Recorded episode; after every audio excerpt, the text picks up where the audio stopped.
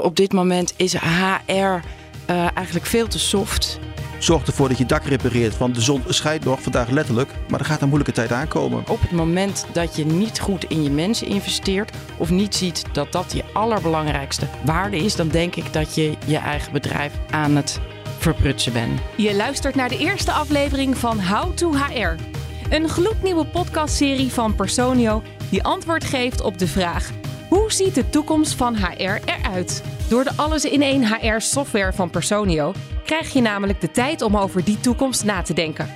In de komende vijf afleveringen neemt HR-expert Remco Mostertman je mee op reis naar de toekomst van leiderschap, talentontwikkelingen, diversiteit en inclusiviteit recruitment en de rol van data en technologie. Ik ga die reis niet alleen ondernemen, uh, maar heb daarvoor uh, tien bijzondere gasten uitgenodigd. Vandaag zijn te gast als eerste, dames gaan voor, Roos Wouters. Welkom Roos, je bent onder andere aanjager van het belangenplatform De Werkvereniging en helpt bedrijven en instellingen bij vraagstukken over organisatievernieuwing en leiderschap. Dat klopt.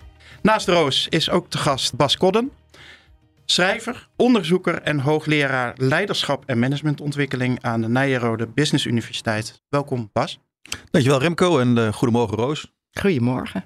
Voordat ik met jullie uh, het thema induik, ben ik benieuwd. Wat is het eerste wat in jullie opkomt als we het hebben over toekomstbestendig HR? Ik kijk eerst even naar Roos. Nou, dat het op dit moment niet zo toekomstbestendig is. Dus dat het heel hoog op de prioriteitenlijst van organisaties en vooral ook van onderwijs uh, moet staan. Want ik denk dat we op dit moment niet goed bezig zijn. En wil je daar al iets over toelichten of nou, we ja. dit als cliffhanger? Nee, ja, ik kan meteen aftrappen als je wilt. Uh, ja, ik denk dat we op dit moment is HR uh, eigenlijk veel te soft het, het wordt toch vooral gezien als het softe gedeelte van de organisatie. Heel vaak, als ik die CEO of CFO bij een organisatie spreek, dan zeggen ze: ja, ah, ja, ja, HR, dat is een beetje dat, ja, dat softe gelul. Uh, dat levert weinig op. Terwijl ik denk op het moment, zeker tijdens deze arbeidsmarktkrapte, als je dan nog niet ziet dat je menselijk kapitaal het allergrootste kapitaal is wat je in je bedrijf hebt, waar je toch echt gewoon ongelooflijk hard in moet investeren om ze blij, gelukkig en optimaal inzetbaar te houden, dan uh, ben je nog niet helemaal wakker. Na de introductie uh, van de gasten en de, en de ferme aftrap, zal ik maar zeggen, zal het uh, niet verbazen dat het thema van vandaag leiderschap is. Um, Bas, jij schreef onlangs voor de Kamer van Koophandel een artikel over de zes valkuilen van managers, waardoor medewerkers vertrekken. Kun je daar wat meer over vertellen? Is daar echt een soort bijna één op één oorzaak-gevolgrelatie? Ik heb daar uh, een jaar of tien onderzoek naar gedaan. En, en, het is inderdaad wel het gegeven dat mensen komen van mensen. En het allerbelangrijkste, mensen verlaten mensen. Dus die fit met die leidinggevende is echt heel erg belangrijk. Nou, er schijnt iets niet goed te gaan. Dat hebben we zojuist ook al gehoord. Misschien is dat heel moeilijk kort en bondig te duiden. Maar kun je, waar gaat het mis vooral? Nou, het is niet eens zo heel erg moeilijk. Het is een soort van vicieuze cirkel. En die begint met een, uh, een perceptie van heel veel leidinggevenden, maar ook professionals, ook ouders. Uh, van turbulentie. Dus we leven in een hele turbulente wereld. Nou, en als we meer turbulentie ervaren, dan nemen ze onze angsten en zekerheden, onzekerheden nemen toe. Daardoor onze behoefte aan controle. Wij gaan meer controleren, dus er ontstaat steeds meer bureaucratie, steeds meer micromanagement, steeds meer controles die worden aangestoken. Ja, en dat gaat ten koste van de werkmotivatie, uh, door mij geduid als bevlogenheid.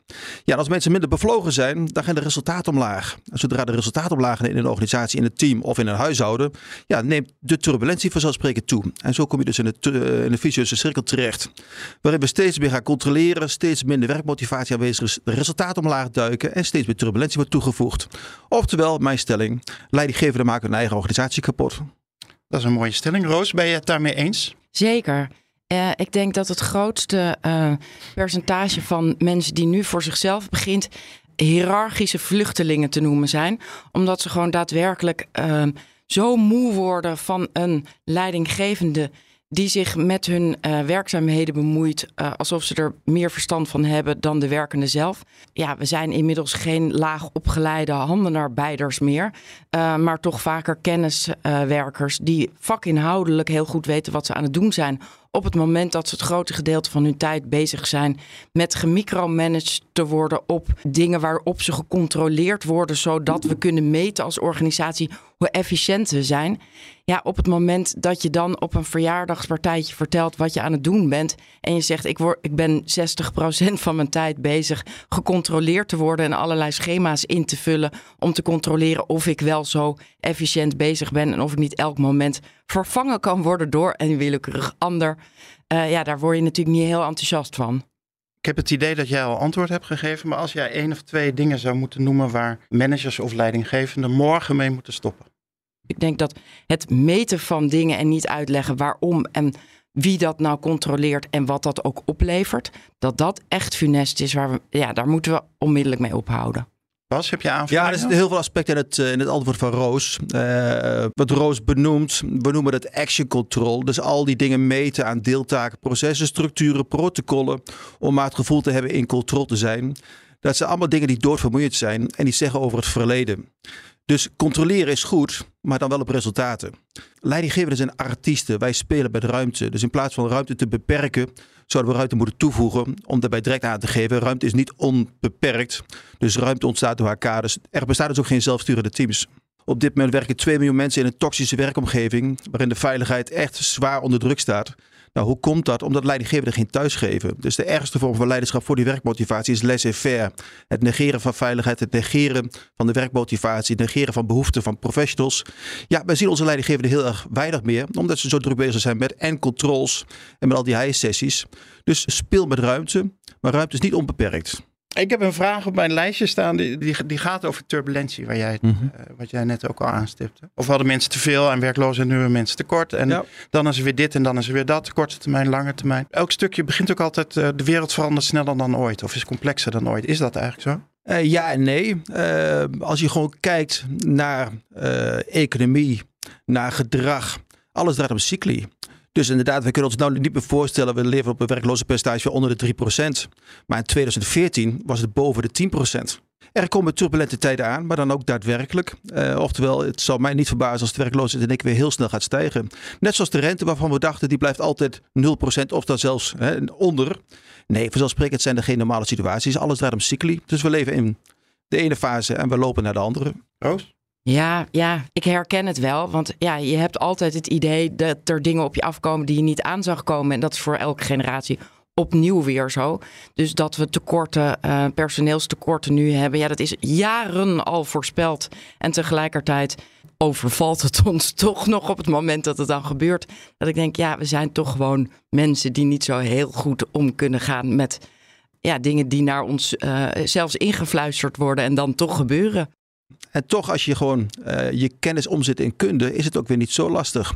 Dus alles draait om cycli. Als je weet in welke cyclus fase je zit, dan weet je ook wat eraan zit te komen. Voor organisaties of, of leidinggevenden die dit, dit, programma luisteren, zorg ervoor dat je dak repareert. Want de zon schijnt nog vandaag letterlijk, maar er gaat een moeilijke tijd aankomen. Je zegt dak repareren als, als de zon schijnt. Wat is nou gereedschap waarmee je dat goed kunt doen? De allerbelangrijkste daarvoor zitten we denk ik hier, is personal control. Get the right people on board. Get the right people in your bus, Jim Collins.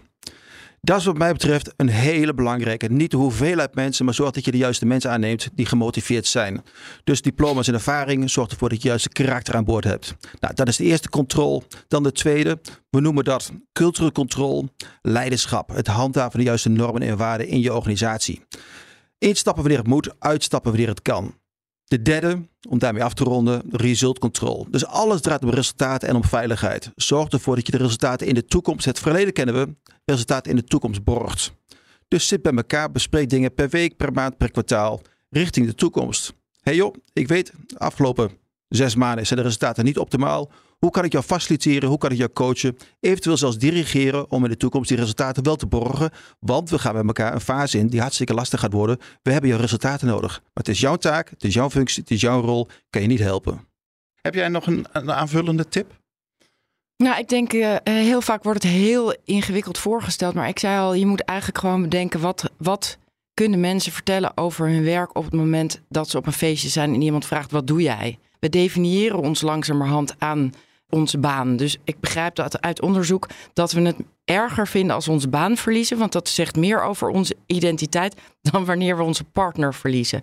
Dus op het moment dat je je baan verliest of dat je moet vertellen wat je doet voor je baan, dan moet je vertellen iets waar je trots op bent, waar je echt energie uit haalt. En zelfs al is dat het stomste werk wat er is, op het moment dat jij kan vertellen: mijn leidinggevende ziet mij, waardeert mij, geeft mij de ruimte om deze hele stomme functie zo leuk mogelijk te maken, dan heb je toch nog iets om over je werk met trots te vertellen. Vraag aan je werknemers: wat kan ik voor jou doen zodat jij met plezier over je werk kan vertellen en dat je met trots uh, kijkt aan de bijdrage die jij bij ons levert. Misschien leuk om daarop in te haken, want ik ben het hier volkomen mee eens met de nuance dat het niet eens zozeer gaat over het werk zelf, maar over de organisatie. Welke rol heeft die organisatie in de maatschappij?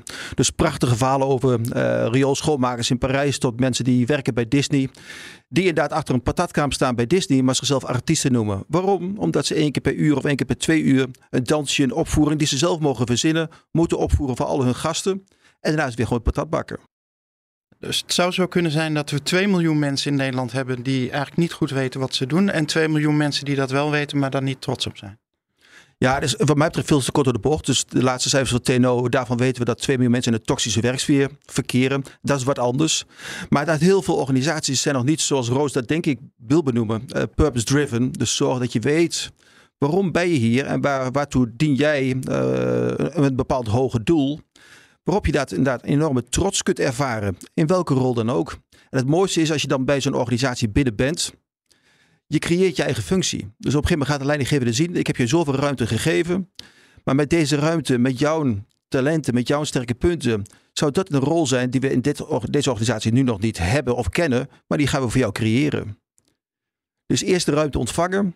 Uh, binnen een organisatie met zo'n hoger doel, dus de waarom-vraag kunnen beantwoorden, om daarna je eigen functie te creëren. Hoe mooi zou dat zijn? Jobcrafting.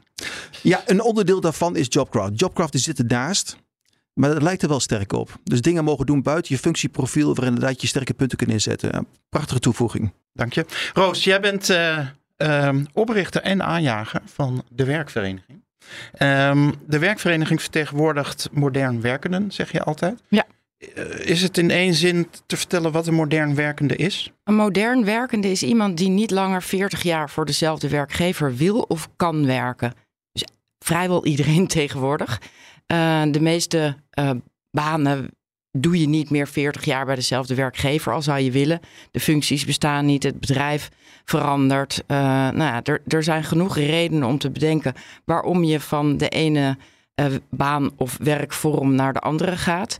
Uh, alleen ons sociaal zekerheidsstelsel is daar nog niet op ingericht. Dus wij doen nog steeds alsof de baan voor het leven bestaat en alsof die je zekerheid geeft, terwijl we inmiddels al lang anders weten.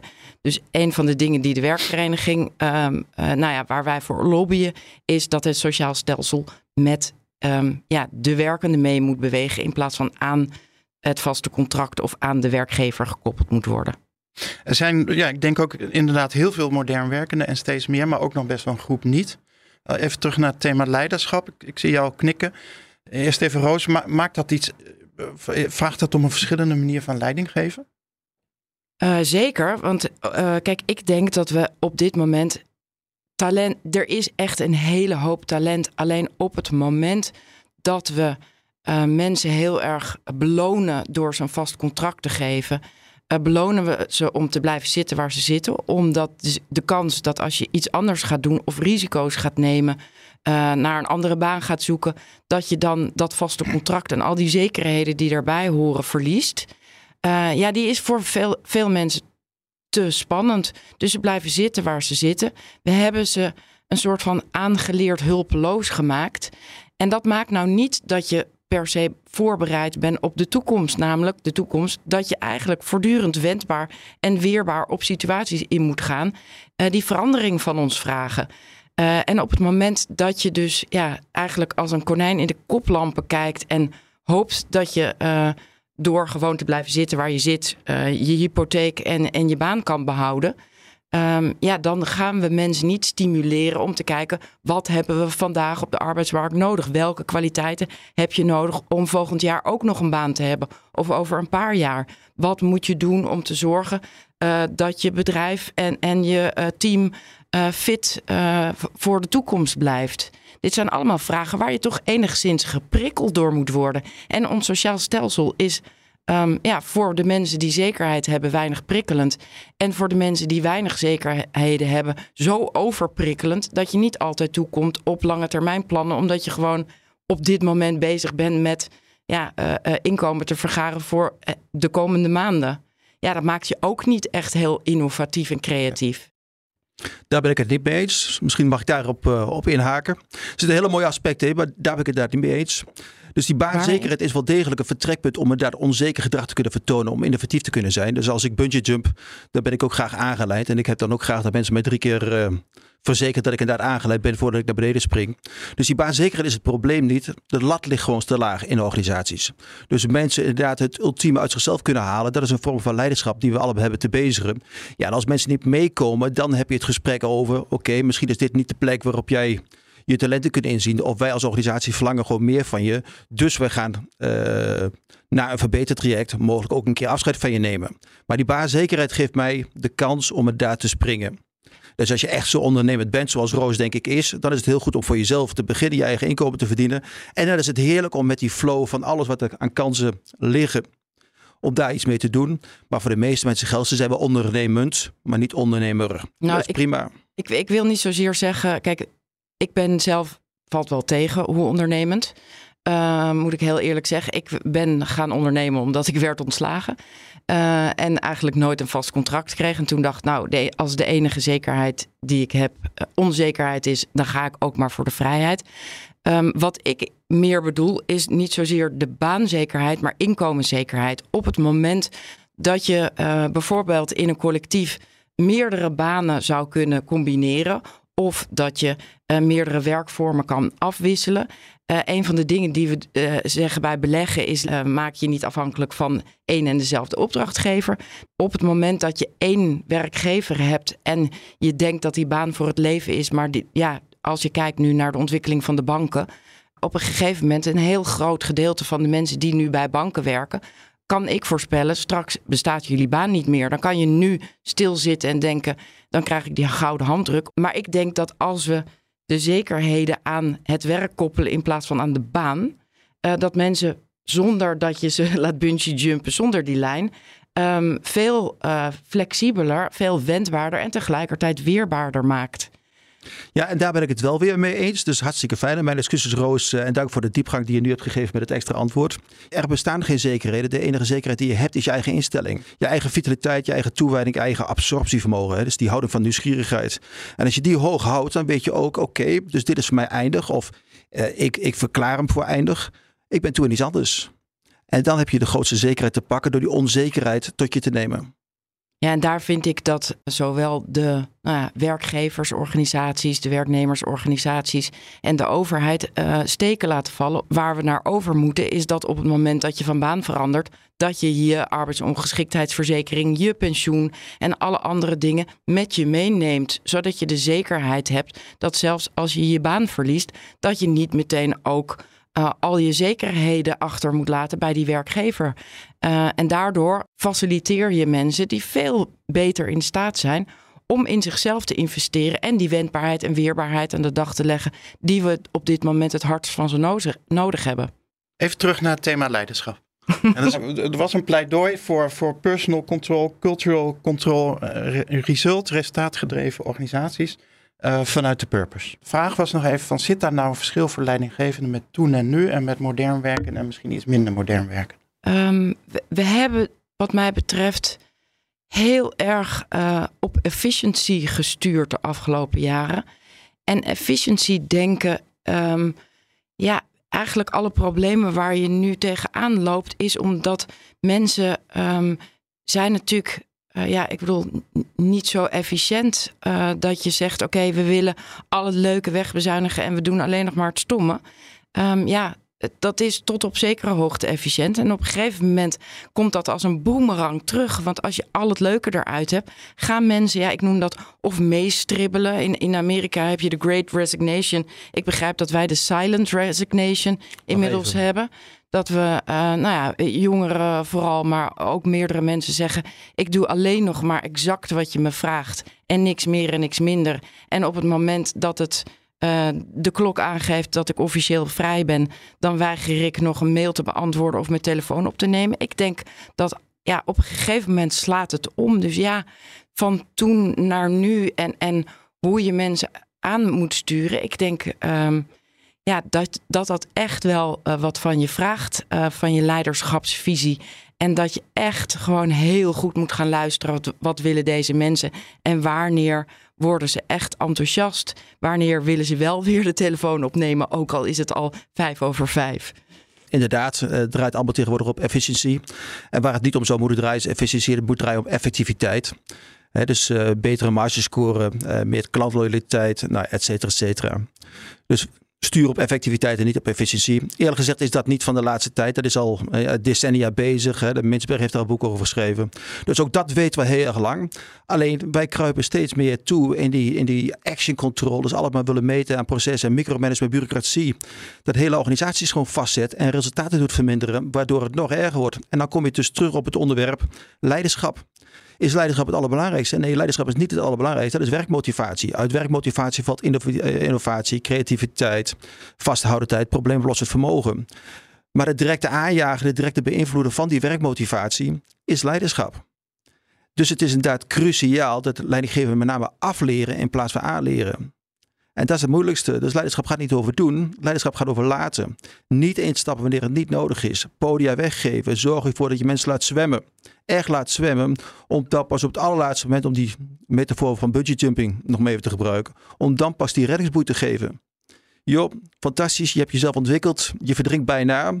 Ik gooi nou die reddingsboei. Hoe kan ik jou faciliteren? Hoe kan ik jou coachen? Maar niet eerder.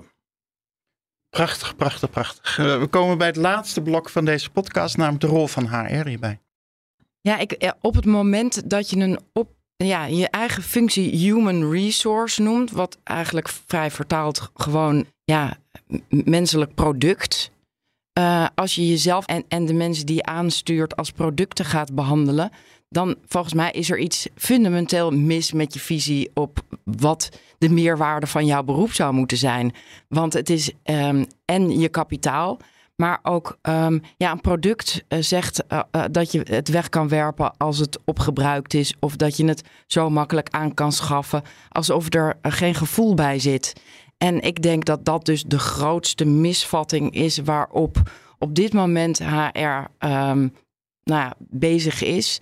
Ik, bedoel, de CFO en de CEO zouden, zou ik maar zeggen, wat meer van hun kwaliteiten terug moeten zien in uh, de human resource uh, mensen. Want ik denk, je moet heel goed strategisch zien dat uh, je hebt het kapitaal van de hele organisatie in handen. En als je daar niet strategisch en gewoon echt heel waardevol mee omgaat, dan ben je je allergrootste uh, verkwister zelf aan het organiseren. Dat ik denk, um, je kan van alles en nog wat aan knoppen draaien en zeggen: dit kan ik bezuinigen, dat levert het me op. Maar op het moment dat je niet goed in je mensen investeert of niet ziet dat dat je allerbelangrijkste waarde is, dan denk ik dat je je eigen bedrijf aan het verprutsen ben. Om dit soort redenen noem ik HR over het algemeen human relations. Het ja, prachtig. Facilitator ja. verbinding. Uh, iedereen is heel erg bezig. We gaan toen richting een afronding, maar met data, artificial intelligence, machine learning, noem het maar op. Uh, wat is de impact daarvan op organisaties en hoe kan dat HR hoe je het ook noemt, PNO, Human Relations. Ja, het is heel mooi. Hoe kun je data gebruiken om daar tot betere selectiecriteria te komen? En wat zijn vandaag de dag de belangrijkste persoonsdeterminanten, kenmerken voor duurzame prestaties? Dus één keer presteren kan iedereen. Maar blijven presteren, dat is wat ons allemaal zou moeten boeien wat mij betreft. Continuïteit kunnen betrachten. Ja, en dat vergt wat van mensen. Dus daar heb ik de afgelopen tien jaar onderzoek naar gedaan. Welke persoonskenmerken, hoe belangrijk is de fit met de leidinggevende binnen? Fit met taakkeis, die werkmotivatie om te blijven presteren met elkaar. Dus data en het gebruik van wetenschap is daarbij wat mij betreft cruciaal. Roos, ik hoor een, hier een pleidooi van Bas voor uh, wat zich met name ook richt op de instroomkant van de organisatie. zie je nog andere toepassingsmogelijkheden? Nou, ik denk dat het, dat het belangrijk is om een waarschuwing te geven dat uh, data verzamelen is fantastisch. Op het moment dat je die inzet om te kijken hoe je je mensen zo goed mogelijk kan faciliteren om hun talent te bereiken. Op het moment dat we dat in gaan zetten met de verkeerde doelen, namelijk het klein houden of het controleren van mensen, uh, dan kan het lijken alsof je kosten aan het besparen bent en alsof je efficiënter bezig bent. Maar ik denk dat je dan uh, nou ja, nog veel verder van huis bent en dat je je echte uh, goede mensen gegarandeerd kwijtraakt. Dankjewel Roos Wouters. Dank Bas Kodden voor jullie komst en jullie mooie bijdrage. Heel graag gedaan. Graag gedaan. Dit was aflevering 1 van How to HR, een podcast van Personio. De vijfdelige podcastserie waarin we op zoek gaan naar toekomstbestendig HR. Volg de podcast als je meer wilt horen over de toekomst van datagedreven HR. Als je meer wil horen over inclusiviteit en diversiteit. Of over de arbeidsmarkt en recruitment. Maar ook, en dat is de volgende aflevering, talentmanagement. Uh, hoe houd je talent binnenboord? Zouden jullie, een van jullie of beide, het stokje willen overdragen door uh, de, de stelling te deponeren? Uh, ja, ik uh, neem die graag aan. Um, want ik zou de stelling willen poneren: er is talent genoeg. Ik ben en ik heel sluit me daarbij aan. Dank je. Dit was aflevering 1 van How to HR. Waarin je hoorde dat het leiderschap van de toekomst draait om ruimte geven, faciliteren, motiveren, focus op effectiviteit en om vertrouwen in plaats van controleren. How to HR is een podcastserie van Personio. Die draait om de toekomst van HR. Ben je benieuwd wat HR-software voor jouw bedrijf kan betekenen? De alles-in-één software van Personio ontzorgt en geeft inzicht in jouw meest belangrijke HR-data. Kijk voor meer informatie op personio.nl.